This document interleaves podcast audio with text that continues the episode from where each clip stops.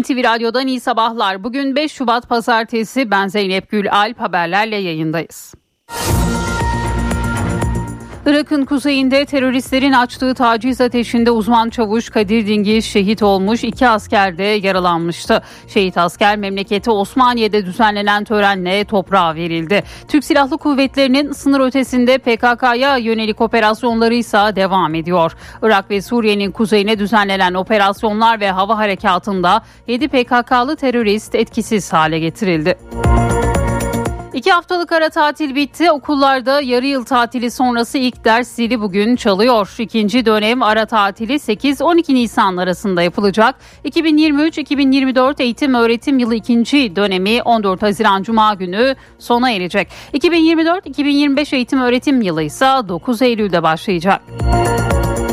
Cumhurbaşkanı Recep Tayyip Erdoğan Kahramanmaraş depremlerinin yıl dönümü öncesi iki gün bölgedeydi. Önce Hatay'daki törene katıldı ardından Gaziantep'te inşa edilen deprem konutlarının anahtar teslim töreninde konuştu. Deprem bölgesindeki şehirlerin tek tek ayağa kaldırılacağını söyledi. Dışişleri Bakanı Hakan Fidan Amerika ile İran'ın Suriye ve Irak'ın bazı noktalarında kontrollü çatışması hakkında bölgesel yayılmadan kaçınmak lazım durum iyi değil daha büyük bir yayılmayla karşı karşıya kalabiliriz dedi. Cumhurbaşkanı Recep Tayyip Erdoğan ve Rusya Devlet Başkanı Putin'in bu ay içinde görüşeceğini vurgulayan Bakan Fidan görüşmede PKK-YPG sorununun da ele alınacağını belirtti. CHP Genel Başkanı Özgür Özel İzmir'deydi. Geçtiğimiz günlerde aracını aldığı kişi tarafından öldürülen taksici Oğuz Ergen'in ailesini ziyaret edip taziyelerini iletti. Özel konuyla ilgili mecliste araştırma komisyonu kurulması için teklifte bulunacaklarını söyledi. MHP Genel Başkanı Devlet Bahçeli ise seçim mitinglerinin ikincisini Manisa'da düzenledi. Gündeminde Can Atalay'ın milletvekilliğinin düşürülmesi vardı. Anayasa Mahkemesi'nin krizin asıl mimarı olduğunu söyleyen Bahçeli, Özgür Özel'i de sert sözlerle eleştirdi. Bahçeli sokağa adres gösterdi, demlenmiş CHP komaya girmiştir dedi. Türkiye Cumhuriyet Merkez Bankası Türk Lirası mevduata geçişin desteklenmesi amacıyla yeni kararlar aldı. Kararlarla bir aydan uzun vadeli Türk Lirası mevduat ve kur korumalı mevduat hesapları için tesis edilen zorunlu karşılıklara 3 ayda bir faiz uygulanacak. Katılım bankalarının TL cinsinden tesis edilmesi gereken zorunlu karşılık tutarında benzer etkiyi sağlayacak şekilde indirim yapılacak. Döviz dönüşümlü kur korumalı mevduatta ise süre uzatıldı. Karara göre 31 Ocak 2024 itibariyle itibarıyla bankalarda mevcut olan altın, dolar, euro, sterlin cinsi hesaplar Türk lirasına çevrilebilecek. Evlenecek çiftlere kredi desteğinde tarih belli oldu. Aile ve Sosyal Hizmetler Bakanı Mahinur Özdemir Göktaş ilk defa deprem bölgesinde uygulayacağımız aile ve gençlik fonuna başvuruları 15 Şubat'ta almaya başlayacağız açıklamasını yaptı. NATO Genel Sekreteri Stoltenberg, Rusya-Ukrayna savaşını kazanırsa NATO üyesi bir ülkeye de saldıracak iddialarına ilişkin konuştu. Stoltenberg, bir NATO müttefikine yönelik yakın zamanda askeri bir tehdit algılamıyoruz dedi. Senegal'de 25 Şubat'ta yapılacak Cumhurbaşkanlığı seçimi süresiz ertelendi. Karar sonrasında başkent Dakar'da göstericiler sokaklara çıktı. Savaş alanında dönen sokaklarda göstericiler polisle çatıştı. Amerika Birleşik Devletleri, Meksika ve Kanada'nın ev sahipliğinde yapılacak 2026 Dünya Kupası'nın açılış ve final maçlarının oynanacağı şehir ve statlar belli oldu. Açılış maçı Meksika'da Estadio Azteca'da, final maçı ise Amerika'nın New York kentinde oynanacak. Trendyol Süper Lig'in 24. hafta kapanış maçında Beşiktaş Trabzonspor'u konuk etti. Semih Kılıçsoy fırtınasının estiği maçta siyah beyazlılar 3 puanı 2 golle aldı.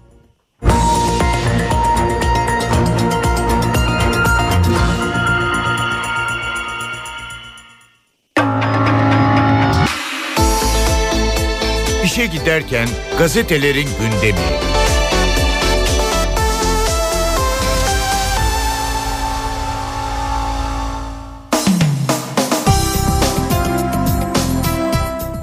Sabahla başlıyoruz. Söz verdik mi yaparız manşetini atıyor bugün Sabah gazetesi. Cumhurbaşkanı Erdoğan Gaziantep'ten depremzedelere seslendi. Şehirlerimizi tamamen ayağa kaldırana kadar bize dinlenmek yok. Yaraları sarma sözümüzü hızla yerine getiriyoruz dedi.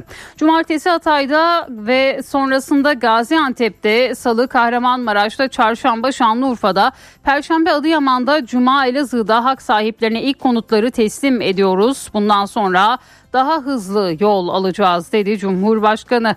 Bu afetin altından kalkmak her baba yiğidin harcı değil. Ne Amerika'sı ne Avrupa'sı böyle büyük bir felaketin altından bizim gibi kalkamaz. Konutlar peyderpey teslim edilecek. Son hak sahibi evine kavuşana kadar bize dinlenmek yok diye konuştu.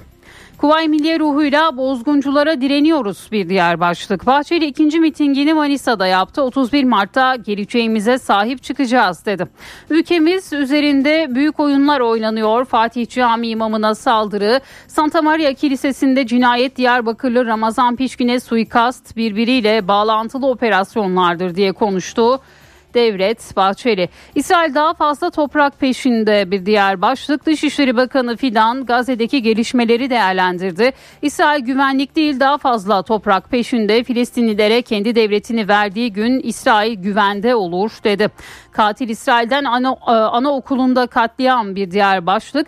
Barbarlıkta sınır tanımayan İsrail ordusu dün Gazze'de anaokuluna sığınan çocuk ve kadınlara saldırdı. Açlık ve salgın hastalığın hızla arttığı bölgede bir gecede 92 masum Filistinli katledildi diyor sabah bugün. Hürriyet'in manşetinde bir yıl sonra neler gördük başlığını görüyoruz. Mesut Hasan Benli ve Selahattin Sönmez'in haberi Hataylılar dönüyor, hayat canlanıyor diyorlar. Hatay dev bir şantiye görünümünde bir yandan enkaz kaldırma çalışmaları sürüyor. Diğer yandan inşaatlar devam ediyor. Büyük yıkımın izlerini silmeye çalışan kentte ağır iş makineleri ve kamyonların sesleri yükseliyor. Arazileri çevreleyen paravanlarda Hatay geleceğe güvenle yükseliyor mesajı var deniliyor. Hürriyette her baba yiğidin harcı değil e, bir diğer başlık yine Cumhurbaşkanı Erdoğan'ın yaptığı açıklama bu başlıkla veriliyor. Helikopterde iki şehit bir diğer haber Hatay'daki görev sonrası Gaziantep'e dönmek için havalanan polis helikopteri Nurdağ kırsalında düştü. Kazada pilot emniyet amiri Cemil Gülen ve sözleşmeli pilot Levent Öztürk şehit olurken bir teknisyen de yaralandı. Enkaza ilk olarak bölgedeki köylüler ulaştı diyor Hürriyet gazetesi. Milliyetin manşeti konteynerden Umut Çarşısı. 6 Şubat depremlerinde evleriyle birlikte iş yerlerini de kaybeden Hatay esnafı konteyner çarşılarda 25 metrekarelik dükkanlarında hayata tutunmaya çalışıyor. Şehirleri ayağa kaldırana kadar dinlenmek yok. Yine Cumhurbaşkanı Erdoğan'ın dün Gaziantep Şehir Hastanesi'nin açılış töreninde yaptığı konuşma bu başlıkla milliyette yer buluyor. Bir diğer haber ise CHP'de ikinci adres ofis olduğu başlığıyla. CHP'nin eski lideri Kılıçdaroğlu'nun elindeki belediye başkan adaylarına tepki nedeniyle ayrılmak isteyen bazı milletvekillerinin istifasını durdurduğu ortaya çıktı. Kılıçdaroğlu'na yakın kurmay Aday atamalarından sonra birkaç milletvekili istifayı düşündü. Kılıçdaroğlu'yla görüştüler. Hayır ayrılmayacaksınız, yapmayacaksınız böyle bir şey diyerek engelledi dedi ve yine bu başlıkta bugün Milliyet'teydi. Enflasyon hedefine doğru tam gaz bir diğer haber. Merkez Bankası Başkanı Fatih Karahan, enflasyon hedefimizde uyumlu seviyelere gerileyene kadar gereken parasal sıkılığı korumakta kararlıyız diyerek bu doğrultuda güçlü ekibimizle dezenflasyonu sağlamaya yönelik çalışmalarımıza devam ediyoruz ifadelerini kullandı. Yeni Şafak'ın manşeti Maraş geri döndü. 6 Şubat'taki 7,7 ve 7,6 büyüklüğündeki iki depremle yıkılan Kahramanmaraş hem hızlı imar çalışmaları hem vatandaşların şehirlerine sahip çıkmasıyla yeniden canlandı. Depremde evleri yıkıldığı için farklı kentlere giden 429 bin vatandaşın 312 bini döndü. Maraşlılar biz şehrimizi seviyoruz bırakmayız diyor. Kontrol yine Hamas'ta bir diğer başlık. İsrail 7 Ekim'de Hamas'ı bitirmek gerekçesiyle katliamlara başladı. Gazze'nin yarısından fazlasını yıktı ve 28 bine yakın Filistinliyi katletti. Ancak 4 ayın sonunda Hamas'ı bitirme hedefine yaklaşamadı. İşgal ordusunun tutunamayıp çekildiği kuzey bölgelerinde Hamas'ın kontrolü tekrar ele aldığı ve polis karakolları kurduğu belirtiliyor deniliyor. Yeni Şafak gazetesinin ilk sayfasında yer buluyor bu haberde. Postanın manşeti döneceğiz dediler, dönüyorlar. Depremin vurduğu Osmaniye'de 650 dairenin yıkıldığı ve 283 kişinin hayatını kaybettiği mahallede depremin ardından duvarlara döneceğiz diye yazan mahalle sakinleri tadilatların ardından yeniden yuvalarına dönüyor diyor Posta bugün manşetinden. Yine bir diğer başlık 24 Şubat'ta nişanı vardı. Polis helikopteri düştü. iki şehit haberi postada yer alıyor. Ve bir diğer haber ise gülü seven fiyatına katlanır başlığıyla. 14 Şubat Sevgililer Günü için sipariş yoğunluğunun yaşandığı kırmızı gülün fiyatı arttı. Türkiye'deki üretimin yarıdan fazlasının karşılandığı Antalya'da serada adet fiyatı 20 lira olan gül çiçekçilerde 5 katına satılıyor. Sevgililer Günü'nde 5 milyon e, dallık gül satışı bekleniyor deniliyor. Yine Posta gazetesinde yer alıyor bu haberde. Cumhuriyetle devam edelim. Oy tehdidi manşetini atıyor bugün Cumhuriyet gazetesi. Cumhurbaşkanı Erdoğan merkezi yönetimde yerel yönetim dayanışma halinde olmazsa o şehre herhangi bir şey gelmez. Hatay'a geldi mi şu anda Hatay garip kaldı dedi. 6 Şubat depremlerinin ardından günlerce yardım bekleyen Hataylılar yalnızlığımızın nedenini şimdi çok iyi anlıyoruz diyor. İktidarın o yoksa hizmet de yok çıkışına CHP lideri Özgür Özel tepki gösterdi. Özel Erdoğan siyasi şantaj yapıyor ve o istiyor. Bunu bütün milletimize şikayet ediyorum. Yalan da söylüyor. Kendi belediyelerinin olduğu yerde de sorunları çözmüş değil. Kalbinin yerinde taş olsa bu laf edilmez ifadesini kullandı diyor Cumhuriyet gazetesi manşetinden. Zamda kısır döngü bir diğer haber. %49 zamlı asgari ücret işçinin eline geçmeye başladı. Buna karşın artış öncesinde asgari ücretin %16'sına denk gelen alışveriş sepeti şimdiden aynı orana yaklaştı. Tüketiciler maaş artışıyla refah artmaz, gelir eşitsizliği giderilsin dedi. Dem İstanbul adayını arıyor bir diğer başlık. Dem Parti sözcüsü Ayşegül Doğan İstanbul Büyükşehir Belediye Başkan adaylığı için Başak Demirtaş dahil birçok kişinin değerlendirildiğini belirterek ismin 9 Şubat'a kadar açıklanacağını söyledi. Doğan İstanbul seçimlerine kendi adaylarımızla girmeye karar verdik dedi. Bu haberde yine Cumhuriyet gazetesindeydi. Şimdi kısa bir araya gidelim sonrasında devam edeceğiz.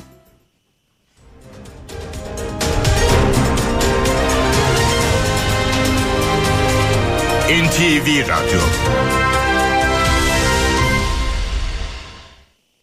Titanic Hotels köşedeki kitapçıyı sunar.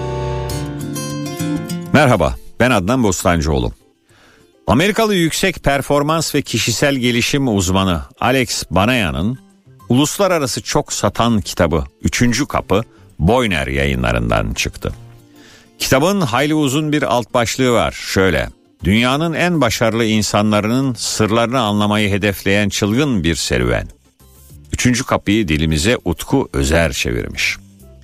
Üçüncü kapı liderlerin ve girişimcilerin ilham verici hikayelerini ortaya koyuyor, sıra dışı stratejileri ve başarıya giden üçüncü kapının sırlarını paylaşıyor denilmiş kitabın arka kapak yazısında. Kimlerin hikayeleri var kitapta? Bill Gates, Maya Angelou, Steve Wozniak, Jane Goodall, Larry King, Jessica Alba, Pitbull, Tim Ferriss, Warren Buffett ve başkaları. Bütün bu isimlerle yaptığı birebir görüşmelerin ardından Alex Banayan hepsinin ortak noktası olduğunu öne sürüyor. Nedir bu ortak nokta? Banayan'ın verdiği isimle üçüncü kapı. Şöyle izah ediyor Banayan, dünyayı diyor bir gece kulübü varsayın. Birinci kapı insanların yüzde 99'unun uzayıp giden bir kuyrukta içeri girme umuduyla beklediği ana giriştir. İkinci kapı milyarderlerin, ünlülerin ve bu işin içinde doğmuş insanların geçtiği VIP girişidir. Ama bir de üçüncü kapı var. Sıradan çıkmanız, arka sokağa sapmanız, kapıya yüzlerce kez vurmanız, pencereyi zorlamanız, mutfaktan gizlice girmeniz gereken giriş. Üçüncü kapı bu. Banayana göre ilk yazılımını satan Bill Gates ya da Hollywood tarihindeki en genç, genç stüdyo yönetmeni olan Steven Spielberg hepsi üçüncü kapıyı kullandı. Kitabın yazımı da başlı başına bir macera. Alex Banayan bu süreçte Warren Buffett'ın hissedarlar toplantısını hacklemekten Larry King'i bir markette kovalamaya ve Lady Gaga ile bir gece kulübünde kutlama yapmaya kadar eşine pek kolay rastlanmayacak bir serüvene atılmış. Herkese iyi okumalar. Hoşçakalın. Titanic Hotels köşedeki kitapçıyı sundu.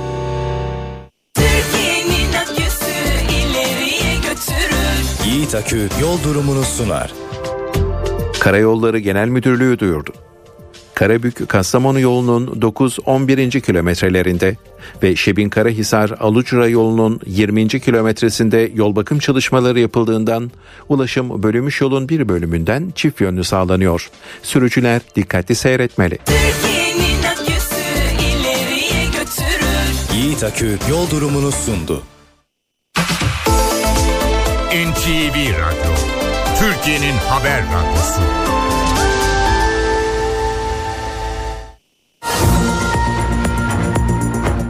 NTV Radyo'da haberleri aktarmayı sürdürüyoruz. Irak'ın kuzeyinde teröristlerin açtığı taciz ateşinde uzman, e, uzman çavuş Kadir Dingil şehit olmuş. İki asker de yaralanmıştı. Şehit asker memleketi Osmaniye'de düzenlenen törenle toprağa verildi. Bu şehidimize hakkınızı helal ediyor musunuz? Hakkınızı helal ediyor musunuz? Teröristlerin açtığı taciz ateşinde şehit oldu. Uzman çavuş Kadir Dingil gözyaşlarıyla son yolculuğuna uğurlandı.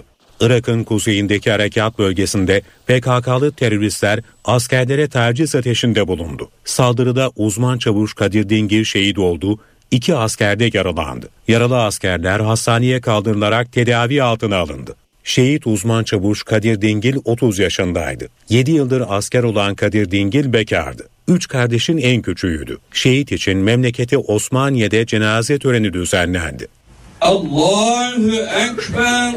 Törene şehidin ailesi, yakınları, askeri ve yerel yetkililerle çok sayıda hemşehrisi katıldı. Ailesi ayakta durmakta güçlük çekti. Şehit uzman çavuş Kadir Dingil kılınan cenaze namazının ardından toprağa verildi. Türk Silahlı Kuvvetleri sınır ötesinde PKK'ya yönelik operasyonlarına devam ediyor. Irak ve Suriye'nin kuzeyine düzenlenen operasyonlar ve hava e, harekatında 7 PKK'lı terörist etkisiz hale getirildi. Milli Savunma Bakanlığı'ndan yapılan açıklamaya göre Hakurk ve Pençekilit operasyonu bölgelerinde bir grup terörist tespit edildi. Bu istihbarat üzerine bölgeye savaş uçakları yönlendirildi. Hava harekatı sonucunda 5 terörist etkisiz hale getirildi. Bakanlık ayrıca Suriye'nin kuzeyindeki Fırat Kalkanı bölgesinde saldırı hazırlığı yapan 2 PKK-YPG'li teröristin de etkisiz hale getirildiğini bildirdi. Merkez Bankası Türk Lirası mevduata geçişin desteklenmesi amacıyla yeni kararlar aldı. Kararla bir aydan uzun vadeli Türk Lirası mevduat ve kur korumalı mevduat hesapları için tesis edilen zorunlu karşılıklara 3 ayda bir faiz uygulanacak. Katılım bankalarının TL cinsinden tesis edilmesi gereken zorunlu karşılık tutarında benzer etkiyi sağlayacak şekilde indirim yapılacak. Döviz dönüşümlü kur korumalı mevduatta ise süre uzatıldı. Karara göre 31 Ocak 2024 itibariyle bankalarda mevcut olan altın, dolar, euro, sterlin cinsi hesaplar Türk lirasına çevrilebilecek. Cumhurbaşkanı Recep Tayyip Erdoğan Kahramanmaraş depremlerinin yıl dönümü öncesi iki gün bölgedeydi. Önce Hatay'daki törene katıldı. Ardından Gaziantep'te inşa edilen deprem konutlarının anahtar teslim töreninde konuştu. Deprem bölgesindeki şehirlerin tek tek ayağa kaldırılacağını söyledi. Her alanda büyük bir gayretle ve özveriyle çalışarak afet bölgemizi en kısa sürede ayağa kaldıracağız. Çözümün parçası olmak yerine sorundan nemalananları milletimizin vicdanına havale ediyoruz. Biz bunları aldırmıyor, kulak asmıyor, vaktimizi ve enerjimizi çalmalarına izin vermiyoruz. Cumhurbaşkanı Recep Tayyip Erdoğan, Gaziantep Islahiye'de deprem konutları kura ve anahtar teslim töreninde konuştu. Deprem bölgesindeki tüm şehirlerin alt ve üst yapıyla ayağa kaldırılacağı mesajını verdi. Şüphesiz eksiklerimiz olmuştur. Hiç arzu etmesek de kimi yerlerde gecikmeler yaşanmış olabilir. Ama deprem bölgesi için nasıl samimiyetle çalıştığımıza, depremzede kardeşlerimize el uzatmak için nasıl çabaladığımıza 85 milyon şahittir. Daha önce defalarca olduğu gibi deprem imtihanını da başarıyla vereceğimizden asla şüphe duymuyoruz. Törende Islahiye ilçe merkezi ve kırsaldaki 10.698 konut için kura çekimi gerçekleştirildi. Hayırlı olsun. Sağ olsun bizi yalnız bırakmadı bu depremle. Mutluyuz. Allah senden razı olsun. Cumhurbaşkanı Recep Tayyip Erdoğan öncesinde Gaziantep Şehir Hastanesi ve bağlantı yolları açılış törenine katıldı. Biz söz verdik mi yaparız. 31 Mart akşamına hazır mıyız? Cumhur İttifakı olarak inşallah Gaziantep'imizde el ele vererek, gönül gönüle vererek ve dayanışma içerisinde Gaziantep'te yeni bir dönemin başlamasına hazır mıyız? Erdoğan açılışını yaptığı hastanede tedavi gören hastalarla görüştü. Çocuklara oyuncak hediye etti. Cumhurbaşkanı Erdoğan daha sonra Şahin Bey Millet Camii ve Külliyesi'nin açılışını yaptı. CHP Genel Başkanı Özgür Özel ise İzmir'deydi. Geçtiğimiz günlerde aracını aldığı kişi tarafından öldürülen taksici Oğuz Ergen'in ailesini ziyaret edip taziyelerini iletti. Özel konuyla ilgili mecliste araştırma komisyonu kurulması için teklifte bulunacaklarını da söyledi. Seni bu soğukta bırakır mıyım kardeşim hiç olur mu diyen birine, parayı baştan istemeyen birine ve o kadar iyi bir insana karşı giriştiği bu vahşice, zalimce cinayet hepimizi kahretti. Taksiciye yapılan saldırıyı bu sözlerle kınadı. CHP Genel Başkanı Özgür Özel, İzmir'de soğukta üşümesin diye aracını aldığı kişi tarafından öldürülen taksi şoförü Oğuz Ergen'in ailesini ziyaret etti. Taziyede diletti. Özel, konuyu bu hafta meclise taşıyacaklarını söyledi. Konuyla ilgili bir araştırma komisyonu, meclis araştırma komisyonu kurulmasını arkadaşlarımız teklif edecekler. Üzerinde hem birebir bu mesleği yapanlarla konuşarak, dernekleriyle, odalarıyla görüşerek nasıl tedbirler alınabilir düşünülecek. CHP Genel Başkanı Özgür Özel, bireysel silahlanmaya parti olarak karşı olduklarını söyledi. Ciddi tedbirlerin alınması gerektiğini belirtti. MHP Genel Başkanı Devlet Bahçeli seçim mitinglerinin ikincisini Manisa'da düzenledi. Gündeminde Can Atalay'ın milletvekilliğinin düşürülmesi vardı. CHP'yi ve Atalay hakkında hak ihlali kararı veren Anayasa Mahkemesi'ni sert sözlerle eleştirdi. Özgür Bey sokağa adres gösteriyor. Ateşle oynuyor. Sözde darber girişimine karşı mücadeleden bahsediyor. Demlenmiş CHP komaya girmiş. MHP Genel Başkanı Devlet Bahçeli, CHP Genel Başkanı Özgür Özel'i memleketi Manisa'da sert sözlerle eleştirdi. Bahçeli, Can Atalay'ın milletvekilinin düşürülmesinin ardından sokak çağrısı yapmakla suçladığı Özel'e ateşle oynuyor dedi. Manisa'nın evladı olan bir özgüre özgürce sahip çıkın. Deminlenmiş siyasetten uzaklaşmasını temin edin. 8 ay evvel Türkiye'yi birlikte yönetmek için masalara yüz sürenlerin bugün birbirlerine demedik laf bırakmaları acıklı bir ihtilaf ve azılı bir ihtirastır. Hakikatten de verilmiş sadakamız varmış. Allah muhafaza yerel yönetimlerde yetki vermek yıkıma hizmettir. Atalay hakkında iki kez hak ihlali kararı veren Anayasa Mahkemesi'ni de MHP lideri kriz ve kutuplaşmanın asıl mimarı Anayasa Mahkemesi'dir dedi. Bahçeli, İzmir'de taksici Oğuz Ergi'yi katleden saldırganın vatandaşlıktan çıkarılması gerektiğini de söyledi. En ağır şekilde cezalandırılması, bir daha güneş ışığı görmemeleri beklentim ve temennimdir. Taksi şoförümüzü katleden alçaklığın cezasını çekmekle birlikte vatandaşlıktan çıkartılması adalet ve hakkaniyet mecburiyetidir. DEM Parti yerel seçimlere İstanbul'da kendi adayıyla girecek. DEM Parti Merkez Yönetim Kurulu'nda alınan kararı parti sözcüsü Ayşegül Doğan açıkladı. İstanbul adayı Başak Demirtaş mı olacak sorusuna da yanıt veren Doğan, adaylarının 9 Şubat'ta açıklanacağını söyledi.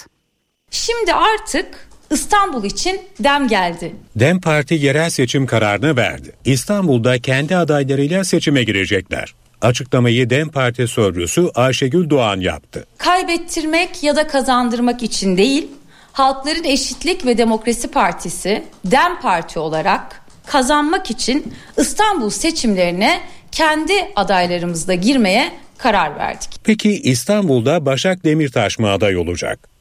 Doğan isim vermedi. 9 Şubat'ı işaret etti. Tabii ki sevgili Başak Demirtaş da aday havuzumuzda. Birbirinden değerli isimler var havuzumuzda. Kamuoyuna yansıyan pek çok ismin havuzumuzda olduğu, değerlendirildiği ve onlarla istişareler yapıldığını da bilinmesini isterim. Partisinin genel merkezinde kameraların karşısına geçen Doğan, kendi adaylarıyla seçime girme kararının yapılan saha çalışmaları sonrasında alındığını söyledi. NTV Radyo Tatil bitti. 20 milyonu aşkın öğrenci 16 günlük tatilin ardından yeniden ders başı yapıyor bugün. İkinci dönemse 14 Haziran'da sona erecek. İki haftalık tatil bitiyor. Okullarda yarı yıl tatili sonrası ilk ders zili çalacak. Milli Eğitim Bakanlığı'na bağlı ilk ve orta öğretim kurumlarındaki 20 milyonu aşkın öğrenci 16 günlük yarı tatilin ardından 2023-2024 eğitim ve öğretim yılı ikinci dönemine başlayacak.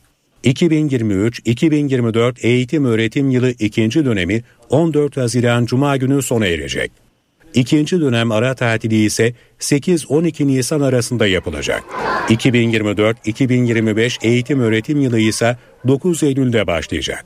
Eğitimde gözler bir yandan yeni müfredatta. Bu ay içerisinde açıklanması beklenen yeni müfredata ilişkin Milli Eğitim Bakanı Yusuf Tekin'den açıklama var. Müfredat hızla değişen dünya koşulları, güncel gelişmeler göz önünde bulundurularak devamlı güncellenecek, canlı ve dinamik bir yapıda olmalı. Ana paradigmasından tutun bize ait ve bizim değerlerimizle inşa edilmiş, bizim referans değerlerimizin ışığında oluşturulmuş bir eğitim sisteminin inşası için gerekli çalışmalarımızı tamamladık. Santa Maria İtalyan Kilisesi'nde geçen hafta düzenlenen silahlı saldırının ardından ilk kez pazar ayini yapıldı. 28 Ocak pazar günü maskeli iki saldırgan İstanbul Sarıyer'deki kiliseye girmiş, ayine katılan Tuncer Murat Cihan'ı öldürmüştü. Saldırının ardından ilk pazar ayini yapıldı. Polis ekipleri çevrede yoğun güvenlik önlemi aldı. Ayine katılanlar Tuncer Murat Cihan'ı da andı. Fotoğraflarının yer aldığı alana mum dikti ve dualar etti. Ee, az önce bahsettik. Geçen hafta pazar günü İstanbul'daki Santa Maria İtalyan Kilisesi'ne düzenlenen saldırının failleriyle birlikte çok sayıda DAEŞ mensubu tutuklandı. Son operasyonlarla yeni ayrıntılar da ortaya çıktı. DAEŞ'in geçen aylarda Türkiye'de farklı dinlere mensup kişilere ve ibadethanelere eylem talimatı verdiği Irak Büyükelçiliğine de yönelik bir rapor hazırlandığı belirlendi. DAEŞ mensupları Türkiye'deki ibadethanelere yönelik keşif yaptı.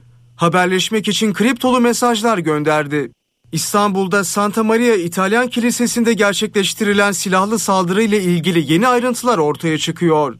Güvenlik kaynaklarına göre kilise saldırısının faillerinin DAEŞ'in sözde Horasan yapılanmasıyla bağlantılı olduğu belirlendi.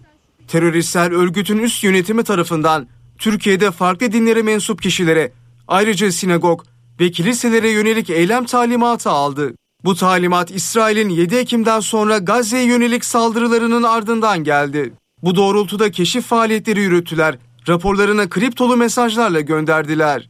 Irak Büyükelçiliğine yönelik hazırlanan rapor MİT tarafından deşifre edildi. Aralık 2023'te düzenlenen operasyonda çok sayıda DAEŞ mensubu yakalandı. Ancak 28 Ocak'ta Sarıyer'deki kiliseye düzenlenen saldırıda ayine katılan Tuncer Murat Cihan silahlı saldırı sonucu hayatını kaybetti. Saldırının failleri ve failleriyle irtibatlı olduğu belirlenen 25 zanlı tutuklandı. DAEŞ terör örgütüne yönelik son operasyonda da 51 şüpheli yakalandı. Zanlılardan 17'sinin DAEŞ'in Afganistan yapılanmasında yer aldı ve Santa Maria Kilisesi'ndeki saldırıyla bağlantılı oldukları açıklandı. Örgütün eleman temini, finans ve lojistik faaliyetlerine darbe vuruldu.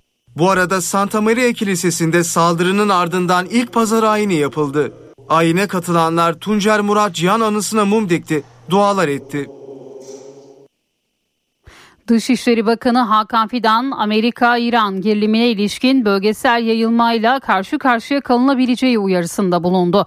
Bakan Fidan, Beyaz Saray'dan gelen F-35 açıklamasını ve Rusya Devlet Başkanı Putin'in yapacağı Türkiye ziyaretini de değerlendirdi. Dışişleri Bakanı Hakan Fidan, Amerika Birleşik Devletleri ve İran arasındaki gerilimin yayılma riskine dikkati çekti. Durum iyi değil dedi. Fidan A Haber yayınında konuştu. Bu ateşle oynamak. Yani ateşle oynadığınız zaman e, o ateş her an için yangına dönüşebilir. Kontrol altına alınamayabilir. Burada böyle bir riskle karşı karşıyayız. Yani bu kontrol altına alınamamazlık meselesi e, bir e, tehdit olarak karşımızda duruyor. Türkiye olarak e, bölgesel ortaklarla da sürekli görüşüyoruz. E, Amerikalılarla da görüşüyoruz. Yani e, bölgesel yayılmadan e, kaçınmak lazım. Türkiye'nin F-35 projesine geri dönebileceğine yönelik açıklamaları değerlendiren Bakan Fidan, neden olmasın ancak diğer yeteneklerimizden vazgeçmeyiz dedi. F-35'in biz aslında e, sadece bir müşterisi değil, aynı zamanda e, üretici ortaklarından e, biriydik. Yani Türkiye'nin maddi kaybının yanı sıra aslında burada ortaya koyduğu kapasiteyle de bir zararı söz konusu. Şimdi bunu elimine etmek için çalışmalarımız devam ediyor. Fidan, KYB'nin Süleymaniye'de PKK ile işbirliği içinde olduğunu, bundan vazgeçmeleri gerektiğini söyledi. Böyle devam ederse daha ileri adım atmak zorunda kalacağız dedi. Şubat ayı içerisinde Cumhurbaşkanı Recep Tayyip Erdoğan ve Rusya Devlet Başkanı Vladimir Putin'in görüşeceğini belirten Bakan Fidan, masada terörle mücadele konusunun olacağını vurguladı. Fırat'ın batısındaki bölgelerde başta Münbiş ve Terrifat olmak üzere PKK'ya e, göz yumulmaması e, meselesi bizim için önemli. Oradaki e, Rus silahlı kuvvetleriyle bizim silahlı kuvvetlerimiz arasında bir çatışmasızlık mekanizması var. Fakat bu mekanizma her zaman çok sağlıklı işlemeyebiliyor. Bizim birinci önceliğimiz PKK tehdidinin bir an önce Fırat'ın doğusundan ve batısından kaldırılması. E bu konuda da hani Rusların bir çizgiye gelmesi. Fidan, Cumhurbaşkanı Erdoğan'ın Kahire'ye yapacağı ziyareti de değerlendirdi. Ziyaretin ikili ilişkiler ve bölge güvenliği için önemli olduğunu vurgulayan Bakan Fidan, Mısır'a insansız hava aracı satılacağını bildirdi. Deprem felaketinin üzerinden bir yıl geçti. Hatay, Kahramanmaraş ve Adıyaman'la birlikte afetten en çok etkilenen ildi. Kentte harabe sokaklar bir yıl önceki acıları hatırlatıyor. Ağır hasar almış, harabeye dönmüş evler, ıssız sokaklar. Antakya merkezde tarihi Kurtuluş Caddesi'ne çıkan sokaklarda hüzün hakim. Şu an tarihi Kurtuluş Caddesi'nin bir iki sokak gerisindeyiz. Büyük felaketin ardından bir sene geçti ancak hala afetin izleri net bir şekilde bulunduğumuz bölgede ortada. Bakın yıkılmış veya ağır hasar almış evler, yerle bir olmuş alanlar ve dikkat çeken bir ibare de bulunuyor zaman zaman bazı binalarda vatandaşlar, mülk sahipleri yıkma mahkemelik şeklinde yazılar yazıyorlar ve binalarının sağlam oturulabilir olduğunu düşünenler bu şekilde bir uyarı bırakıyor. Burası kentin en kalabalık alanlarından biriydi. Şimdi az sayıda ev sakini eski günleri arıyor. Bir Hataylı olarak en azından memleketin kalkınmasını, e, buradaki kültürel varlıkların hayata faaliyete geçirilmesini talep ediyorum. Çok güzel bir yerdi. Hareketli canlı. Ta- hareketli canlı. Çok güzel bir yerdi. Tarihi yerlerdi. Burası Antakya'nın en eski yerleşimlerinden biri. Burası cıvıl cıvıldı. Deprem ben bu karşıda gördüğünüz evde yaşadım. Biz memleketimizi bırakmıyoruz. Depremden beri ben evimdeyim. Hiçbir yere de gitmedim. Antakya'mızı çok seviyoruz. Bir an önce ayağa kalmasını rica ediyoruz. Kentte geçen aylara göre hareketliliğin en çok arttığı noktaysa tarihi Uzun Çarşı. Aylar önce tek tük dükkanların açık olduğu çarşıda bugünlerde farklı bir görüntü var. Öte yandan eski günlere özlem sürüyor. İçimizde çok büyük bir burukluk var. Yani şu anda da yani buranın kalabalık olması biraz da e, tatilden dolayı, okulların tatilinden dolayı bu kalabalık var. Normal tatillerde olsa yine bu kalabalığı bulamıyoruz. Yani çok şükür ama ilk başlara göre iyiyiz. Acılar hala taze. Hatay çok kötü. Yani yıkımlar devam ediyor. Ee, bir yandan yapımlar devam ediyor. İnsanlar ayakta kalmaya çalışıyor. Biraz zaman sanırım gerekiyor bunun içinde. Hani iyileşmemiz için, ayakta durmamız için çok hmm, çaba sarf etmemiz gerekiyor. Milletçe, ülkece biraz zor olacak ama inşallah olacak diye düşünüyorum. Çarşının ilerleyen dönemde kapsamlı bir onarımdan geçmesi planlanıyor. Sivil toplum kuruluşları da deprem bölgesindeki yardım çalışmalarına hız verdi. Beşiktaş Jimnastik Kulübü Hatay'a gönderilmek üzere Tüpraş Stadyumunda yardım malzemesi toplamaya başladı. Kulüp yöneticileri Galatasaray ve Fenerbahçe başta olmak üzere farklı renklere gönül vermiş taraftarlardan da kampanyaya destek bekliyor. Havasına, suyuna, taşına, toprağına Onlar 6 Şubat depreminin ardından yardıma ilk koşanlardan biriydi. Tüm stat birlik oldu, depremzede çocuklara yağmur gibi hediye yağdırdı. Bir başkadır benim memleketim. Afet bölgesine yardım da götürdüler. Beşiktaş taraftarı büyük felaketin yıl dönümünde bir kez daha Hatay'a gidiyor, depremzedelere yardım götürüyor. Siyah beyazlı kulüpten yapılan açıklamayla Trabzonspor'la oynanacak maç öncesinde taraftarlar yardım malzemesi toplamaya başladı. Aydın Beşiktaşlılar Derneği'nden e, biz geliyoruz. Maç için geldik. E, gelirken de 6 Şubat depremde etkilenen vatandaşlarımız için yardım getirdik. Unutulmaması gereken afet yaşadık e, Türkiye geneli boyunca. Her zaman e, o vatandaşlarımızın yanındayız. Her zaman da destekçisiyiz. Hatay'a gidecek yardım malzemeleri için Tüpraş stadında özel bir bölüm ayrıldı. Kulüp yetkilileri yardım malzemesi getirecek taraftarlara özellikle kışlık giysiyle çocuk ve hasta bezi gibi hijyen malzemelerine ihtiyaç duyulduğunu hatırlatıyor. Bu kampanyaya destek vermek isteyen Fenerbahçeli, Galatasaraylı, Trabzonsporlu kim olursa olsun herkese kapımız e, açık. Ne kadar çok tır kaldırırsak, ne kadar çok insana, ne kadar çocuğa, ne kadar hastaya dokunabilirsek, e, unutmadığımızı ne kadar çok anlatabilirsek o kadar iyidir. Orada AFAD'ın yönlendireceği noktada taraftarlarımız buradan giden tırı e, dağıtımı için e, organize edecekler. Çarşı grubu buna çok büyük bir öncülükte bulunuyor. Depremzedeler için yardım malzemeleri 5 Şubat gecesine kadar Tüpraş Stadyumunda toplanmaya devam edecek. Yardım tırının aynı gece yola çıkıp depremin yıl dönümü olan 6 Şubat'ta Hatay'a ulaşması planlanıyor.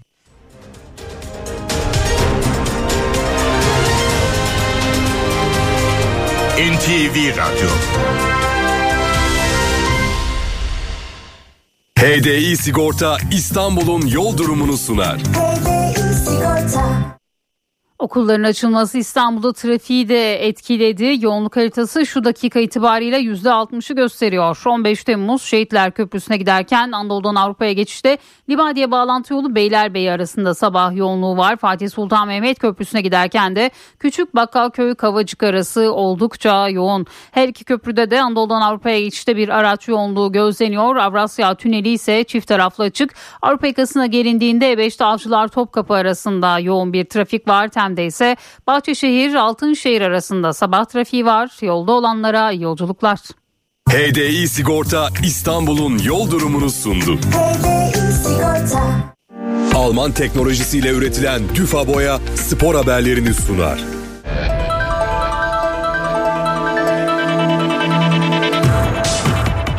Trendyol Süper Lig'de 24. hafta dün oynanan karşılaşmalarla tamamlandı. Alınan sonuçlar şöyle. Atakaş Hatay Spor 3, Fatih Karagümrük 1, MKE Ankara Gücü 0, EMS Yapı Sivas Spor 0, Yılport Samsun Spor 0, Galatasaray 2, Çaykur Rizespor 0, Tümosan Konya Spor 0, Rams Başakşehir 2, İstanbul Spor 0, Gaziantep Futbol Kulübü 1, Mondihom Kayseri Spor 1, Biteksen Antalya Spor 0, Fenerbahçe 2, Sintaş Yapı Pendik Spor 2, Yukatel Adana Demirspor 1, Kasımpaşa 2, Korendon Alanya Spor 1 ve Beşiktaş 2, Trabzon Trabzonspor 0. Beşiktaş aradığı savunmacıyı İngiltere'de buldu. Siyah beyazlılar Nottingham Forest'ten Joe Worrell'ı kiralık olarak kadrosuna kattı. İngiliz stoper Beşiktaş'ın Trabzonspor'u konuk ettiği maçı stadyumdan canlı olarak izledi. 27 yaşındaki futbolcunun sağlık kontrollerinin ardından bugün sözleşme imzalaması bekleniyor. Joe Worrell bu sezon Nottingham Forest formasıyla 9 maça çıktı. 5 sezondur İngiliz ekibinin formasını giyen Worrell 2018-2019 sezonunda İskoç devi Rangers'tan transfer olmuştu. Premier Lig'de Arsenal zirve yarışında önemli bir galibiyet aldı. Topçular lider Liverpool'u evinde Saka, Martinelli ve Tosserand'ın golleriyle 3-1 mağlup etti. Mikel Arteta'nın ekibi Liverpool'a bu sezonki ikinci mağlubiyetini tattırarak puanını 49'a çıkarttı ve ikinci sıraya yükseldi. Şampiyonluk yarışının bir diğer favorisi Manchester City bu akşam 23'te Brentford'a konuk olacak. Guardiola'nın ekibi kazanırsa liderliği ele geçirecek. Fenerbahçe Beko Türkiye Sigorta Basketbol Ligi'nin 19. haftasında ezeli rakibi Galatasaray Ekmas'ı konuk etti. Sarı lacivertler sahadan 16 sayı farkla galip ayrıldı. Sarunas Yaskevicius'un ekibinde Jonathan Motley 15 sayı 4 ribantla öne çıktı. Scottie Wilbeck'in de 14 sayı 4 asiste katkı verdi. Fenerbahçe Beko bu sonucun ardından ligdeki 16. galibiyetini aldı ve 35 puanla ikinciliğini sürdürdü.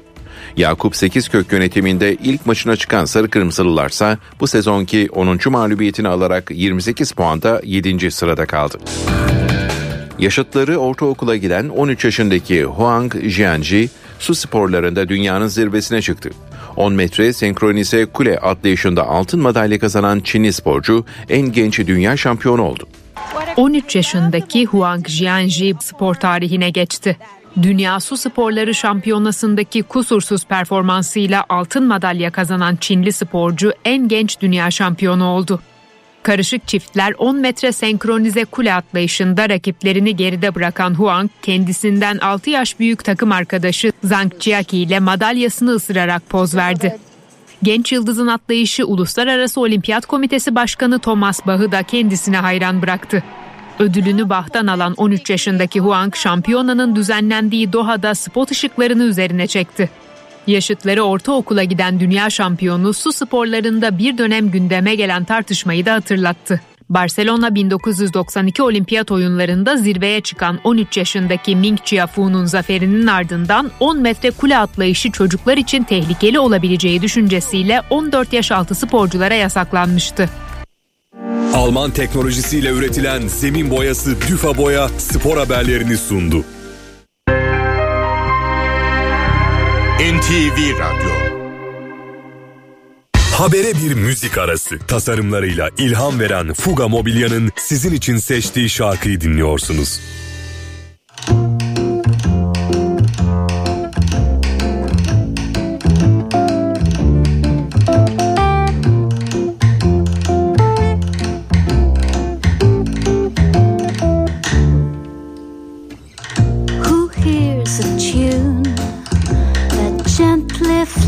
around the room? The crowd rushes past, life's too fast to stop. Who sees the light that burns so bright? A moment to stay, then gently fades away. Take time to love,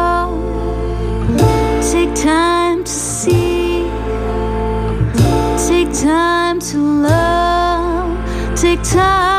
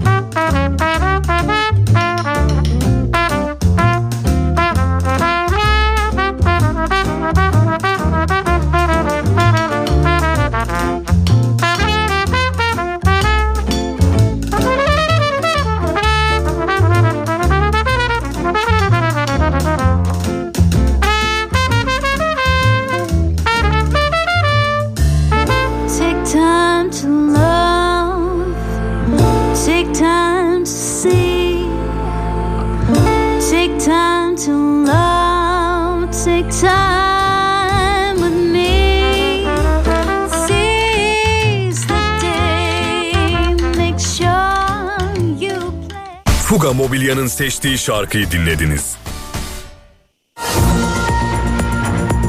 Saat 8 Türkiye ve Dünya gündeminde bu saate kadar öne çıkan başlıklara bir haber turuyla bakacağız. Irak'ın kuzeyinde teröristlerin açtığı taciz ateşinde uzman çavuş Kadir Dingil şehit olmuş iki asker de yaralanmıştı. Şehit asker memleketi Osmaniye'de düzenlenen törenle toprağa verildi. Türk Silahlı Kuvvetleri'nin sınır ötesinde PKK'ya yönelik operasyonları ise devam ediyor. Irak ve Suriye'nin kuzeyine düzenlenen operasyonlar ve hava harekatında 7 PKK'lı terörist etkisiz hale getirildi. İki haftalık ara tatil bitti. Okullarda yarı yıl tatili sonrası ilk ders zili bugün çalıyor. Trafikte de etkisi hissediliyor. İstanbul'da trafikte e, trafik yoğunluğu haritası şu an %65'i gösteriyor. İkinci dönem ara tatil 8-12 Nisan arasında yapılacak. 2023-2024 eğitim öğretim yılı ikinci dönemi ise 14 Haziran Cuma günü sona erecek. 2024-2025 eğitim öğretim yılı da 9 Eylül'de başlayacak. Cumhurbaşkanı Recep Tayyip Erdoğan Kahramanmaraş depremlerinin yıl dönümü öncesi iki gün bölgedeydi. Önce Hatay'daki törene katıldı. Ardından Gaziantep'te inşa edilen deprem konutlarının anahtar teslim töreninde konuştu. Deprem bölgesindeki şehirlerin tek tek ayağa kaldırılacağını söyledi. Dışişleri Bakanı Hakan Fidan Amerika ve İran'ın Suriye ve Irak'ın bazı noktalarında kontrollü çatışması hakkında bölgesel yayılmadan kaçınmak lazım durum iyi değil daha büyük bir yayılmayla karşı karşıya kalabiliriz dedi. Cumhurbaşkanı Recep Tayyip Erdoğan ve Rusya Devlet Başkanı Putin'in bu ay içinde görüşeceğini vurgulayan Bakan Fidan görüşmede PKK-YPG sorununun da ele alınacağını belirtti. CHP Genel Başkanı Özgür Özel İzmir'deydi. Geçtiğimiz günlerde aracını aldığı kişi tarafından öldürülen taksici Oğuz Ergen'in ailesini ziyaret edip taziyelerini iletti. Özel konuyla ilgili mecliste araştırma komisyonu kurulması için teklifte bulunacaklarını söyledi. MHP Genel Başkanı Devlet Bahçeli ise seçim mitinglerinin ikincisini Manisa'da düzenledi. Gündeminde Can Atalay'ın milletvekilliğinin düşürülmesi vardı. Anayasa Mahkemesi'nin krizin asıl mimarı olduğunu söyleyen Bahçeli, Özgür Özel'i de sert sözlerle eleştirdi. Bahçeli sokağa adres gösterdi, demlenmiş CHP komaya girmiştir dedi. Türkiye Cumhuriyet Merkez Bankası Türk Lirası mevduata geçişin desteklenmesi amacıyla yeni kararlar aldı. Kararla bir aydan uzun vadeli Türk Lirası mevduat ve kur korumalı mevduat hesapları için tesis edilen zorunlu karşılıklara 3 ayda bir faiz uygulanacak. Katılım bankalarının Türk Lirası cinsinden tesis edilmesi gereken zorunlu karşılık tutarında benzer etkiyi sağlayacak şekilde indirim yapılacak. Döviz dönüşümlü kur korumalı mevduatta ise süre uzatıldı. Karara göre 31 Ocak 2024 itibariyle bankalarda mevcut olan altın, dolar, euro, sterlin cinsi hesaplar Türk lirasına çevrilebilecek. Evlenecek çiftlere kredi desteğinde tarih belli oldu. Aile ve Sosyal Hizmetler Bakanı Mahinur Özdemir Göktaş ilk defa deprem bölgesinde uygulayacağımız aile ve gençlik fonuna başvuruları 15 Şubat'ta almaya başlayacağız açıklamasında bulundu. NATO Genel Sekreteri Stoltenberg Rusya-Ukrayna savaşını kazanırsa NATO üyesi bir ülkeye de saldıracak iddialarına ilişkin konuştu. Stoltenberg bir NATO müttefikine yönelik yakın zamanda askeri bir tehdit algılamıyoruz dedi. Senegal'de 25 Şubat'ta yapılacak Cumhurbaşkanlığı seçimi süresiz ertelendi. Karar sonrasında başkent Dakar'da göstericiler sokaklara çıktı. Savaş alanına dönen sokaklarda göstericiler polisle çatıştı. Müzik dünyasının en prestijli ödülleri olan Grammy ödülleri sahiplerini buldu. Billie Eilish What Was I Made For'la yılın en iyi şarkısı ödülünü kazandı. En iyi vokal performansı ödülü ise Taylor Swift'e gitti. Amerika Birleşik Devletleri, Meksika ve Kanada'nın ev sahipliğinde yapılacak 2026 Dünya Kupası'nın açılış ve final maçlarının oynanacağı şehir ve statlar belli oldu. Açılış maçı Meksika'daki Estadio Azteca'da, final maçı ise Amerika'nın New York kentinde oynanacak. Trendyol Süper Lig'in 24. hafta kapanış maçında Beşiktaş Trabzonspor'u konuk etti. Semih Kılıçsoy fırtınasının estiği maçta siyah beyazlar 3 puanı 2 golle aldı.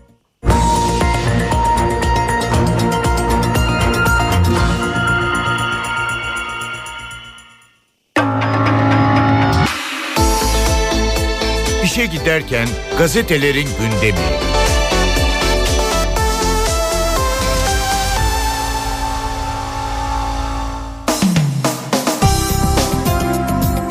Sabahla başlıyoruz. Ee, Söz verdik mi yaparız manşetiyle çıkıyor bugün sabah gazetesi. Cumhurbaşkanı Erdoğan Gaziantep'ten depremzedelere seslendi. Şehirlerimizi tamamen ayağa kaldırana kadar bize dinlenmek yok. Yaraları sarma sözümüzü hızla yerine getiriyoruz dedi.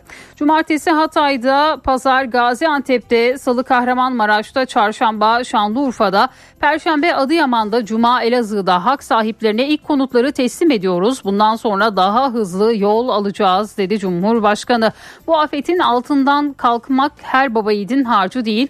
Ne Amerika'sı ne Avrupa'sı böyle büyük bir felaketin altından bizimki gibi kalkamaz. Konutlar peyderpey e, pey teslim edilecek. Son hak sahibi evine kavuşana kadar bize dinlenmek yok dedi Cumhurbaşkanı Erdoğan. Kuvayi Milliye ruhuyla bozgunculara direniyoruz bir diğer başlık. Bahçeli ikinci mitingini Manisa'da yaptı. 31 Mart'ta geleceğimize sahip çıkacağız dedi. Ülkemiz üzerinde büyük oyunlar oynanıyor. Fatih Camii imamına saldırı, Santa Maria Kilisesi'nde cinayet, Diyarbakırlı Ramazan Pişkin'e suikast birbiriyle bağlantılı operasyonlardır dedi. MHP lideri Devlet Bahçeli. İsrail daha fazla toprak peşinde bir diğer başlık. Dışişleri Bakanı Fidan Gazze'deki gelişmeleri değerlendirdi. İsrail güvenlik değil daha fazla toprak peşinde Filistinlilere kendi devletini verdiği gün İsrail güvende olur diye konuştu Bakan Fidan. Katil İsrail'den anaokulunda katliam bir diğer başlık. Barbarlıkta sınır tanımayan İsrail ordusu dün Gazze'de anaokuluna sığınan çocuk ve kadınlara saldırdı. Açlık ve salgın hastalığın hızla arttığı bölgede bir gecede 92 masum Filistinli katledildi deniliyor sabahın ilk sayfasında. Hürriyet gazetesi bir yıl sonra neler gördük manşetiyle çıkıyor ve Hürriyet muhabirleri deprem bölgesinde diyor. Mesut Hasan Benli ve Selahattin Sölmez'in izlenimleri bugün manşette yer buluyor. Hatay'da bir şantiye görünümünde bir yandan enkaz kaldırma çalışmaları sürüyor. Diğer yandan inşaatlar devam ediyor. Büyük yıkımın izlerini silmeye çalışan kentte ağır iş makineleri ve kamyonların sesleri yükseliyor. Arazileri çevreleyen paravanlarda Hatay geleceğe güvenle yükseliyor mesajı var. Kentin simgesi sayılan camiler, kiliseler ve tarihi eserlerin restorasyonları sürüyor. Depremin ardından boşalan Hatay'ın yeniden hareketlenmeye başladığı gözden kaçmıyor. Bazı noktalarda trafik yoğunluğu bile var. Halk hemşerilerinin şehre dönmesinden oldukça memnun. Açılan her yeni iş yeri sevinç yaratıyor diyor Hürriyet gazetesi. Her baba yiğidin harcı değil bir diğer başlık Cumhurbaşkanı Erdoğan depremden etkilenen şehirler tamamen ayağa kaldırılana kadar durmayacaklarını söyledi diyor Hürriyet gazetesi.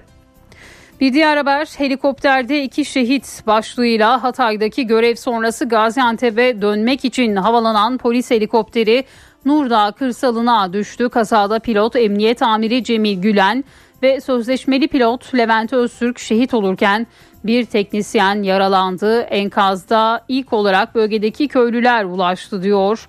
Bugün yine Hürriyet gazetesi. Milliyet'in manşetinde konteynerden Umut Çarşısı başlığını görüyoruz. 6 Şubat depremlerinde evleriyle birlikte iş yerlerini de kaybeden Hatay esnafı konteyner çarşılarda 25 metrekarelik dükkanlarında hayata tutunmaya çalışıyor. Asrın felaketi sonrası Hatay'da iş yerleri yıkılan esnafın yaralarının sarılması için birçok noktada 25 metrekarelik konteyner çarşılar kuruldu. İşlerine buradaki dükkanlarda devam eden esnaf zor şartlar altında olsa bile ekmek kavgası vermeye devam ediyor. Aralarında bir gecede her şeyini kaybettikten sonra yeniden hayata tutunmanın zor olduğunu söyleyen de var. Alışmaya çalışıyoruz diyen de. Antakya'daki evi ve dükkanı yıkılan reklamcı Mete Erdahan dükkanlarımızı Antakya ayakta dursun yok olmasın diye açtık derken baharat dükkanı işleten 47 yaşındaki Didem Yalçın da depremin bir yılını geride bıraktık ama yaşadığımız özlem de acı da aynı ifadesini kullandı. Evi, mobilya dükkanı ve marketi yok olan Mehmet Akay ise burada bir şeylerin yapılmaya başlanması psikolojimizi olumlu etkiledi dedi.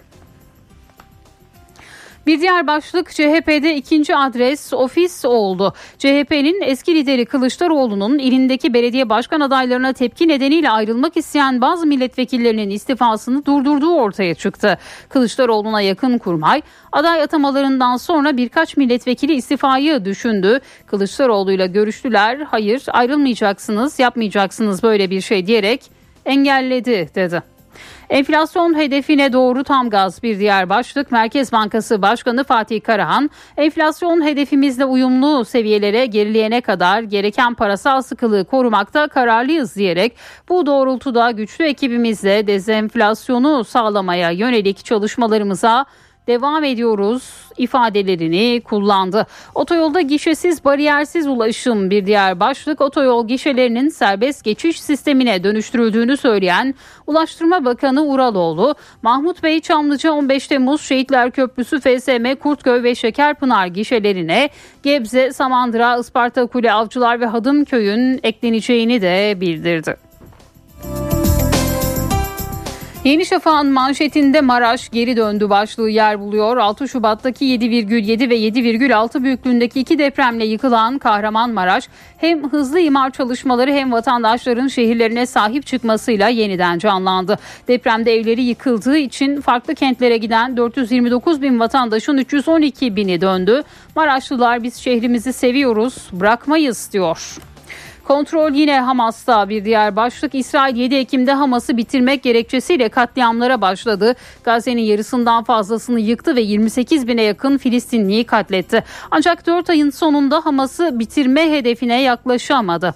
İşgal ordusunun tutunamayıp çekildiği kuzey bölgelerinde Hamas'ın kontrolü tekrar ele aldığı ve polis karakolları kurduğu belirtiliyor deniliyor Yeni Şafak'ta bugün. Amerika Yemen'de 5 şehri bombaladı. Irak ve Suriye'deki İran destekli milisleri vuran Amerika Birleşik Devletleri önceki gecede Yemen'de Husileri hedef aldı. İngiltere'nin de destek verdiği bombardımanda başkent Sana'nın yanı sıra Zemar, Hacce, Elbeyda ile Tazi kentlerinde çok sayıda füze atıldı e, deniliyor. Yine bu başlıkta Yeni Şafak'ın ilk sayfasında yer buluyor bugün. Postanın manşeti döneceğiz dediler dönüyorlar. Depremin vurduğu Osmaniye'de 650 dairenin yıkıldığı ve 3, 283 kişinin hayatını kaybettiği mahallede depremin ardından duvarlara döneceğiz diye yazan mahalle sakinleri tatilatların ardından yeniden yuvalarına dönüyorlar deniliyor postada bugün. Bir diğer başlık kahraman kaptan güverteden düştü. İstanbul Boğazı'nda geçiş hazırlığı yapan bir yük gemisine kılavuzluk hizmeti veren kaptan Oğuz Kök çıktığı geminin güverte merdivenlerinden denize düşüp hipotermi geçirerek hayatını kaybetti. Kaptan Oğuz Kök 2006 yılı Şubat ayında Boğaz'da dümeni kitlenen 160 bin ton Koresan yani petrol türevi yüklü Gen Marstar gemisini Dolmabahçe önünde demir atarak durduran ve İstanbul'u büyük bir tehlikeden kurtaran kılavuz kaptandı diyor Posta gazetesi. Gülü seven fiyatına katlanır bir diğer başlık 14 Şubat Sevgililer Günü için sipariş yoğunluğunun yaşandığı kırmızı gülün fiyatı arttı. Türkiye'deki üretimin yarıdan fazlasının karşılandığı Antalya'da serada adet fiyatı 20 lira olan gül çiçekçilerde 5 katına satılıyor. Sevgililer Günü'nde 5 milyon dallık gül satışı bekleniyor deniliyor. Yine bu haberde bugün postanın ilk sayfasında yer buluyor. Cumhuriyet oy tehdidi manşetiyle çıkıyor bugün. Cumhurbaşkanı Erdoğan merkezi yönetimle yerel yönetim dayanışma halinde olmazsa o şehre herhangi bir şey gelmez. Hatay'a geldi mi şu anda Hatay garip kaldı dedi. 6 Şubat depremlerinin ardından günlerce yardım bekleyen Hataylılar yalnızlığımızın nedenini şimdi çok daha iyi anlıyoruz dedi. İktidarın oy yoksa hizmet de yok çıkışına CHP lideri Özgür Özel tepki gösterdi. Özel Erdoğan siyasi şantaj yapıyor ve o istiyor. Bunu bütün milletimize şikayet ediyorum. Yalan da söylüyor. Kendi belediyelerinin olduğu yerde de sorunları çözmüş değil. Kalbinin yerinde taş olsa bu laf edinmez ifadesini kullandı ve bu haberde bugün Cumhuriyet'in manşetinde yer aldı. Zamda kısır döngü bir diğer başlık. %49 zamlı asgari ücret işçinin eline geçmeye başladı. Buna karşın artış öncesinde asgari ücretin %16'sına denk gelen alışveriş sepeti şimdiden aynı orana yaklaştı. Tüketiciler maaş artışıyla refah artmaz, gelir eşitsizliği giderilsin diyor ve yine bu haberde bugün Cumhuriyet gazetesinin ilk sayfasında yer buluyor. NTV Radyo Evdeki Hesap Profesör Murat Ferman hafta içi her gün ekonomideki güncel gelişmeleri NTV Radyo dinleyicileri için yorumluyor. Günaydın Sayın Ferman mikrofon sizde. Zeynep Gül Hanım günaydın. İyi bir gün, iyi yayınlar diliyorum. Bugün e, yeni öğretim döneminin ilk günü. Büyük bir telaş var. Evlatlarımız tekrar bir kısa tatilden sonra okula dönüyorlar. Yeni yılın, yeni öğretim gününün ilk gününde ben de onlara zihin açıklığı, başarılar diliyorum. Aslında hatırlanacağı gibi e, 2024 yılını yepyeni bir yılı da kutlayalı henüz dün gibi ama birinci ayını çoktan geride bıraktık. Ocak ayını tamamladık. Şubat ayına girdik. Bugün e, ekonomi takvimi açısından da önemli bir gün. Çünkü Ocak ayının yani yeni yılın ilk ayının enflasyon rakamları açıklanacak. Bu çerçevede biliyorsunuz TÜİK tarafından açıklanan enflasyon rakamları bir çıpa, yasal bir mekanizmanın temel unsuru olarak kullanılıyor. O bakımdan bizim için önemli, herkes için takip edilmesi gereken bir rakam. Ee, onun beklentilerini biraz sonra paylaşacağım ama Ocak ayı e, ve Ocak ayına ait istatistikler önemli. Çünkü e, Ocak ayı içerisinde yayınlanan istatistiklerle e, aslında 2023 yılının veya bir önceki yılın bütün tablosu tamamlanmış ortaya çıkmış oluyor. Üstelik e, ilk aya ait veriler de önemli. Mesela saatler sonra yayınlanacak e, enflasyon gibi. E, neden? Çünkü netice itibariyle baktığınızda e, bundan sonraki gelişime dair, gidişata dair ilk adım genel bir ayakları yere basan ilk veriyi elde etmiş olacağız. İşte bu bakımdan e, Ocak ayı e, istatistikleri önemli. Geçtiğimiz hafta da e, birbiri ardı sıra pek çok istatistik yayınlandı. Bunların bir kısmına değindik ama derseniz vakit geçirmeden şöyle bir göz atalım ve istatistiklerin gör dediği nedir? Onu bir görmeye çalışalım. Bir kere geçtiğimiz hafta içerisinde haftanın ilk günü tam bir hafta evvel pazartesi günü yayınlanan gelir dağılımı istatistikleri 2023 ve bir gün sonrasında paylaşılan yoksulluk ve yaşam koşulları istatistikleri 2023 verileri TÜİK penceresinden adeta gelir eşitsizliği bakımından 20 yıl öncesine dönüldüğünü gösteriyor. En zengin %20'lik toplum kesimi toplam gelirin zenginliğimizin yarısını %50'sine alırken en düşük %20 dilimin yaklaşık 9 katı kadar kazanç sağladığı ortaya çıkıyor. Eğer bunu %10'luk dilime çekerseniz bu kazanç farkı eşitsizliği e, veya gelir eşitsizliği en üst ve %10 e, ve aşağıdaki %10'luk bakımdan 15 e, misline taşınıyor. Yüzde beşliğe bakarsanız e, durum daha da vahim. E, zengin yüzde beş tek, tek başına toplam gelirin dörtte birini alırken geri kalan dörtte üçlük miktarı e, yüzde 95 alıyor. Yani nüfus çoğunluğu 3 birim alırken nüfusun çok az bir kısmı cesametine bakmadan, boyuna posuna bakmadan bir birimlik payı kapmış oluyor. Ve 2014-2023 yılları verilerine bakıldığında nüfusun %95'inin geliri 4 kart artmış iken en zengin %5'lik kesimin gelirlerini 6 kart arttırdıkları ortaya çıkıyor. Gene Bankacılık Düzenleme ve Denetleme Kurulu BDDK'nın son verilerinden hareketle Türkiye'de milyoner sayısının 2023 yılında %70 oranında arttığı ve bankalardaki toplam mevduatın %75'inin mudilerin sadece %1'lik kesimine ait olduğu görülüyor. Borsada da durum farklı değil. Merkezi Kayıt Kuruluşu güncel verilerine bakıldığında Ocak aylarında sayıları 7,5 milyonu bulan Borsa BIST İstanbul iştirakçilerinden portföy miktarı 10 milyon lirayı aşanların sayısı sadece 18 bin. Yani binde 3 bile değil. Yani yatırımcıların binde 3'ü ancak binde 3'ünden azı 10 milyon ve üstünde bir portföye sahip. TÜİK görelerine göre aynı zamanda göreli ve sürekli yoksulluk oranları bakımından istenilen düzeyde iyileştirmelerden uzak durumdayız. Maddi ve sosyal yoksulluk oranı bakımından da e, aynı e, unsurları işaret etmek mümkün. Tabii bütün bu e, rakamsal gelişme ve işaretlerde kayıt dışı ekonomi gerçeğinin gözden uzak tutulduğunu hatırlatalım. Evet, hizmet üretici fiyat endeksi de açıklandı. Aralık 2023 hizmet üretici fiyat endeksine göre geçtiğimiz yıl, yıl hizmet e, sektöründe enflasyon %80'leri aşmış. Çok önemli, katı, kırılamayan bir e, hizmet enflasyonu var. Bu çerçevede İstanbul Ticaret Odası Ücretler Geçinme Endeksi ve Türkiye Ziraat Odaları Birliği tarla market fiyatları Ocak ayı sonuçları da gene bize önce işaretler veriyor. Bu çerçevede dakikalar sonra açıklanacak artık dakikalar kaldı. Ocak enflasyonu için 7.2-8.4 aralığında bir düzeyi öngörüyoruz.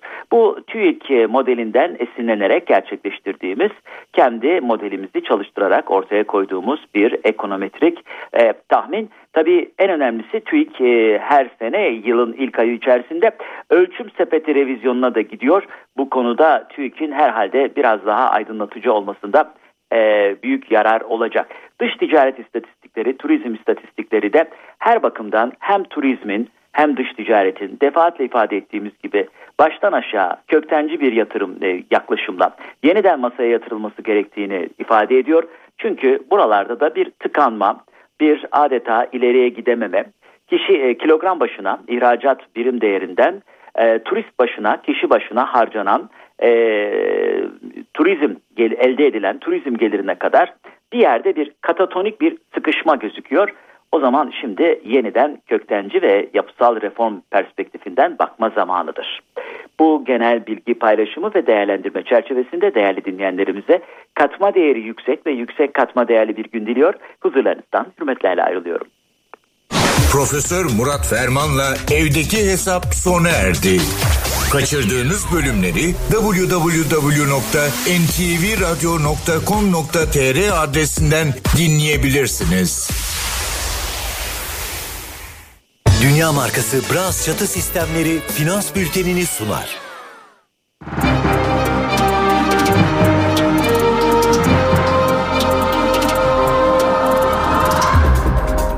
Borsa İstanbul 100 endeksi 8665 seviyelerinde. Dolar 30.51, Euro 32.92'den işlem görüyor. Euro dolar paritesi 1.07.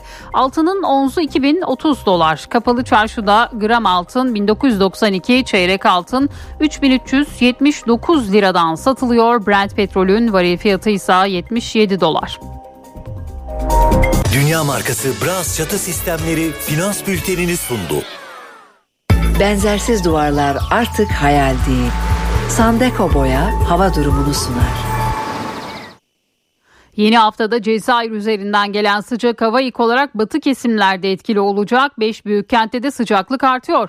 İstanbul'da lodos sert sıcaklık 15 derece. Başkentte hava kapalı gece yine soğuk 3 derece. İzmir, Bursa ve Antalya'da güneş görülüyor. Baharı andıran bir hava var. Öyle Ankara 8, İzmir 19, Bursa 18, Antalya 20 derece olacak bugün. Eşsiz boya, eşsiz mekanlar. Sandeko Boya hava durumunu sundu.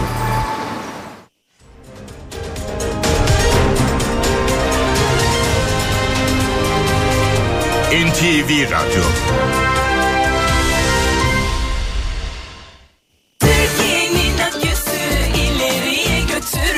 Yiğit Akü yol durumunu sunar. Karayolları Genel Müdürlüğü duyurdu. Bartın Safranbolu yolunun 4-6. kilometrelerinde ve İstanbul-Ankara yolunun 3-6. kilometrelerinde yol bakım çalışmaları yapıldığından ulaşım kontrollü olarak sağlanıyor. Sürücüler dikkatli seyretmeli. Yiğit Akü yol durumunu sundu. NTV Radyo'da haberleri aktarmayı sürdürüyoruz. Tatil bitti. 20 milyonu aşkın öğrenci 16 günlük tatilin ardından yeniden ders başı yapıyor. İkinci dönem 14 Haziran'da sona erecek. İki haftalık tatil bitiyor. Okullarda yarı yıl tatili sonrası ilk ders zili çalacak. Milli Eğitim Bakanlığı'na bağlı ilk ve orta öğretim kurumlarındaki 20 milyonu aşkın öğrenci 16 günlük yarı tatilin ardından 2023-2024 eğitim ve öğretim yılı ikinci dönemine başlayacak.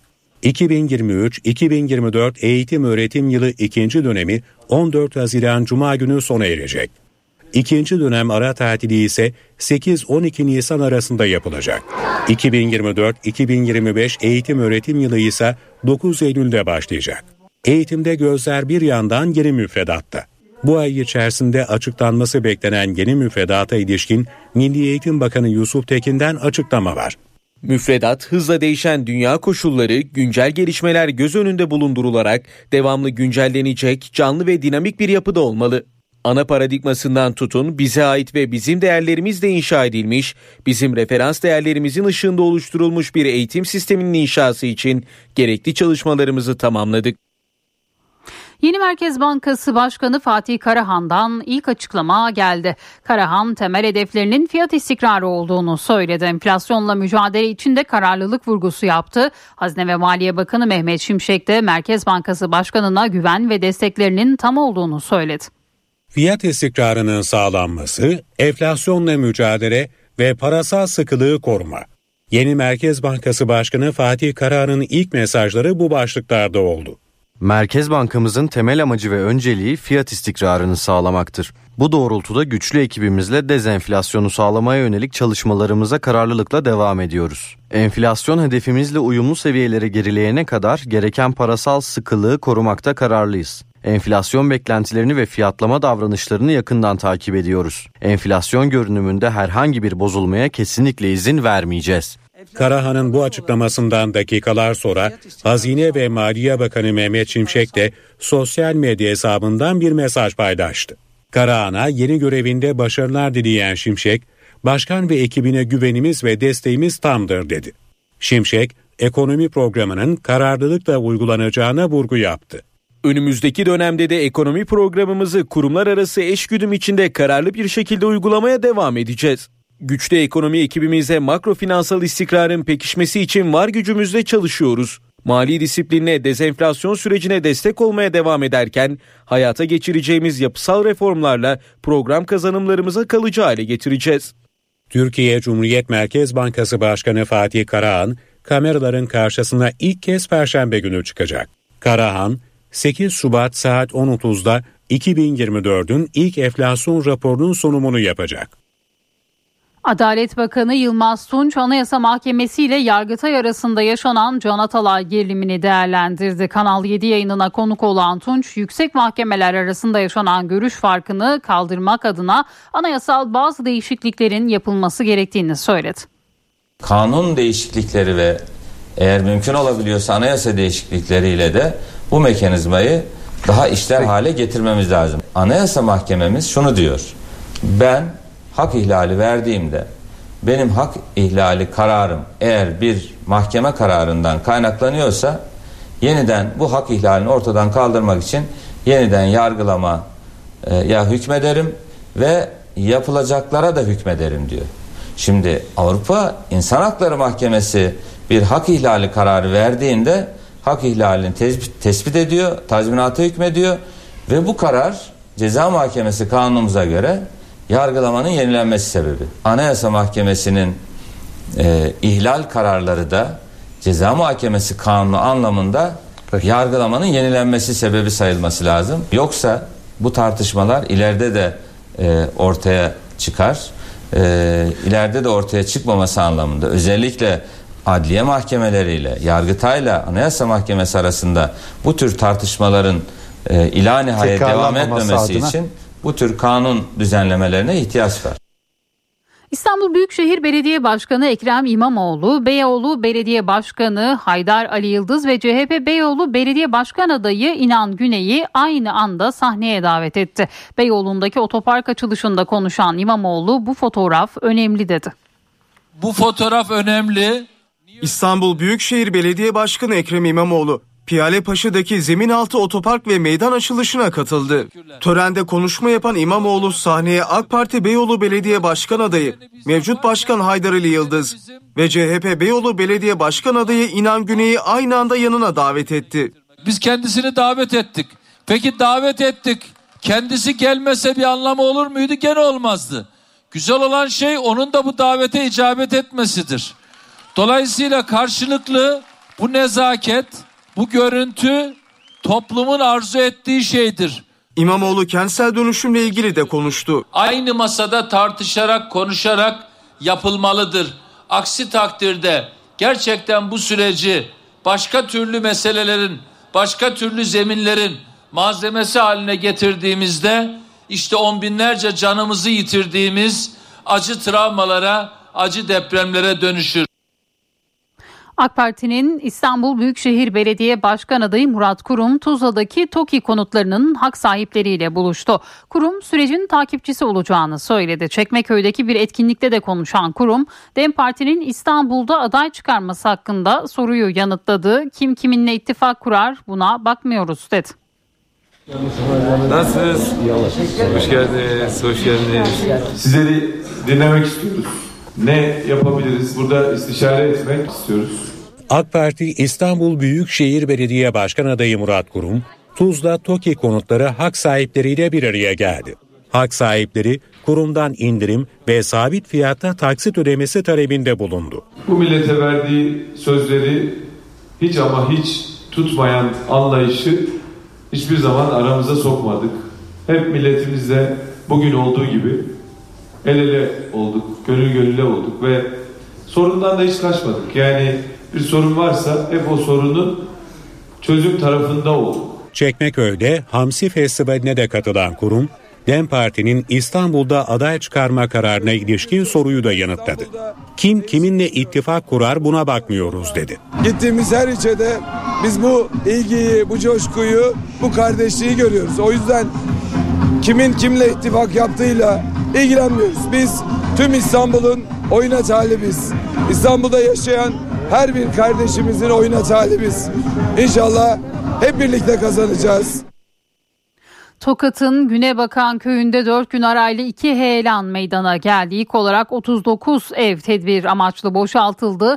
Cami ibadete kapatıldı. Toprak kayması devam edince köy cami ve 5 ev yıkıldı. Heyelan riski sürdüğü için evlere girişlere izin verilmiyor. Meteoroloji verileri Türkiye'nin önümüzdeki günlerde Afrika'dan gelecek bir sıcak hava dalgasının etkisine gireceğini gösteriyor. Yurt genelinde sıcaklıklar mevsim normalleri üzerine çıkacak. İstanbul dahil kıyı bölgelerde 20 dereceye yaklaşacak. Uzmanlar bu artışın özellikle tarım için büyük tehlike oluşturduğuna dikkat çekiyor. İklim değişikliği tarım üretimini tehdit etmeye devam ediyor. Bu kez sıradaki tehlike Şubat ayında yaşanacak yüksek sıcaklıklar. Meteoroloji verilerine göre 5 Şubat'tan itibaren Türkiye genelinde Afrika'dan gelen sıcak hava dalgası etkili olmaya başlayacak. Sıcaklıklar kıyı bölgelerden başlayarak yükselecek. Yer yer 20 dereceleri bulacak. Bu durum özellikle tarım bölgelerinde üretimi olumsuz etkileyebilir. Bu sıcaklığı bitki aldığında hormon üretmeye başlayacak. Erken çiçek açacak. Erken çiçek açtığında da özellikle bahçe bitkilerinde sonra gelecek bir soğuk dalgası Mart soğuğuyla baş edememe durumu var. Bu da doğrudan tabii ki verim kaybına yol açacak. Böyle durumlarda sıcaklıkları belirli bir seviyede tutmak hayli maliyetli olabiliyor. Öte yandan farklı önlemler alarak zararı olabildiğince azaltmak mümkün. Pervanelerle serinletebilirsiniz çok ama herkeste yok. Çünkü e, bir dönümlük bir alanı serinletmek için yaklaşık 300-400 bin liralık sistemler kurmanız lazım. Öncelikle bizim önerimiz bu toprakların öz evladı bitkilerle tarımı gerçekleştirmek. Çünkü bunların bu iniş çıkışlara bir dayanıklılığı var. Bunun dışında tabii ki hava akımı için bahçelerde, tarlalarda hava koridorları oluşturulabilir. Bahçelerin havalanması, hazır budamaların iyi yapılması, bu akımlar hava bahçe içerisinde olduğunda ya da arazi içerisinde olduğunda e, hem sıcaklıkla mücadele hem de soğukla mücadele tabii ki daha iyi olacaktır. Çevre ve tarım alanında çalışan uzmanlar kuraklık tehlikesinin sürdüğüne de dikkat çekiyor. Otoyollarda serbest geçiş sistemi genişliyor. Gişe ve bariyer sistemlerinin olduğu noktalarda kademeli olarak serbest geçiş sistemi kurulacak.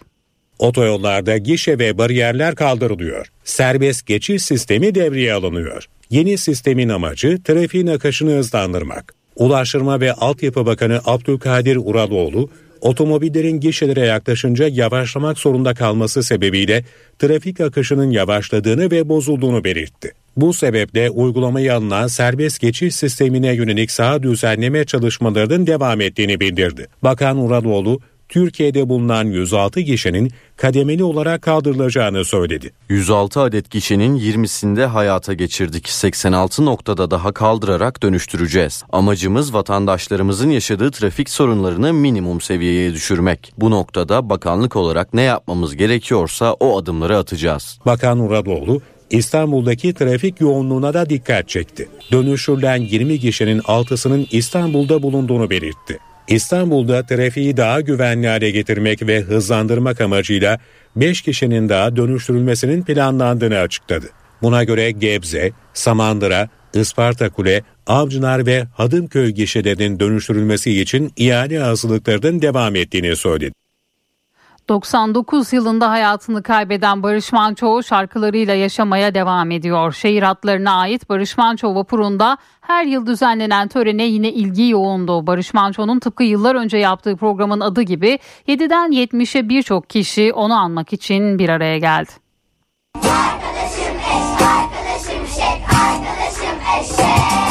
Arkadaşım Eşek'ten Sakız Hanım'a, Sarı Çizmeli Mehmet Ağa'dan Kul Ahmet'e. 7'den 70'e herkes bir kez daha Barış Manço'yu şarkılarıyla andı.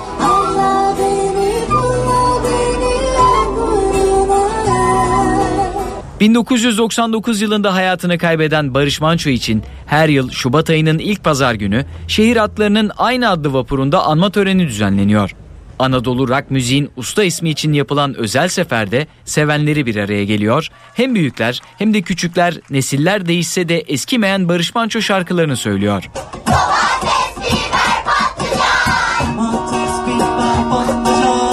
Kadıköy'den Kanlıca'ya giden Barış Manço vapurunun yolcuları arasında bu yıl Kırklar elinden gelen çocuk korosu da vardı. Manço'yu 25. ölüm yıl dönümünde unutmayan hayranları ve ailesi daha sonra da kabri başında bir araya geldi, dualar okudu. Eğer 25 yıl sonra bu kadar büyük bir kalabalıkla hala onu anıyorsak, onun şarkılarını söylüyorsak e, onunla beraberiz diye kabul ediyorum. Bedenler gidiyor, ruhlar kalıyor. O çok büyük bir ruhtu.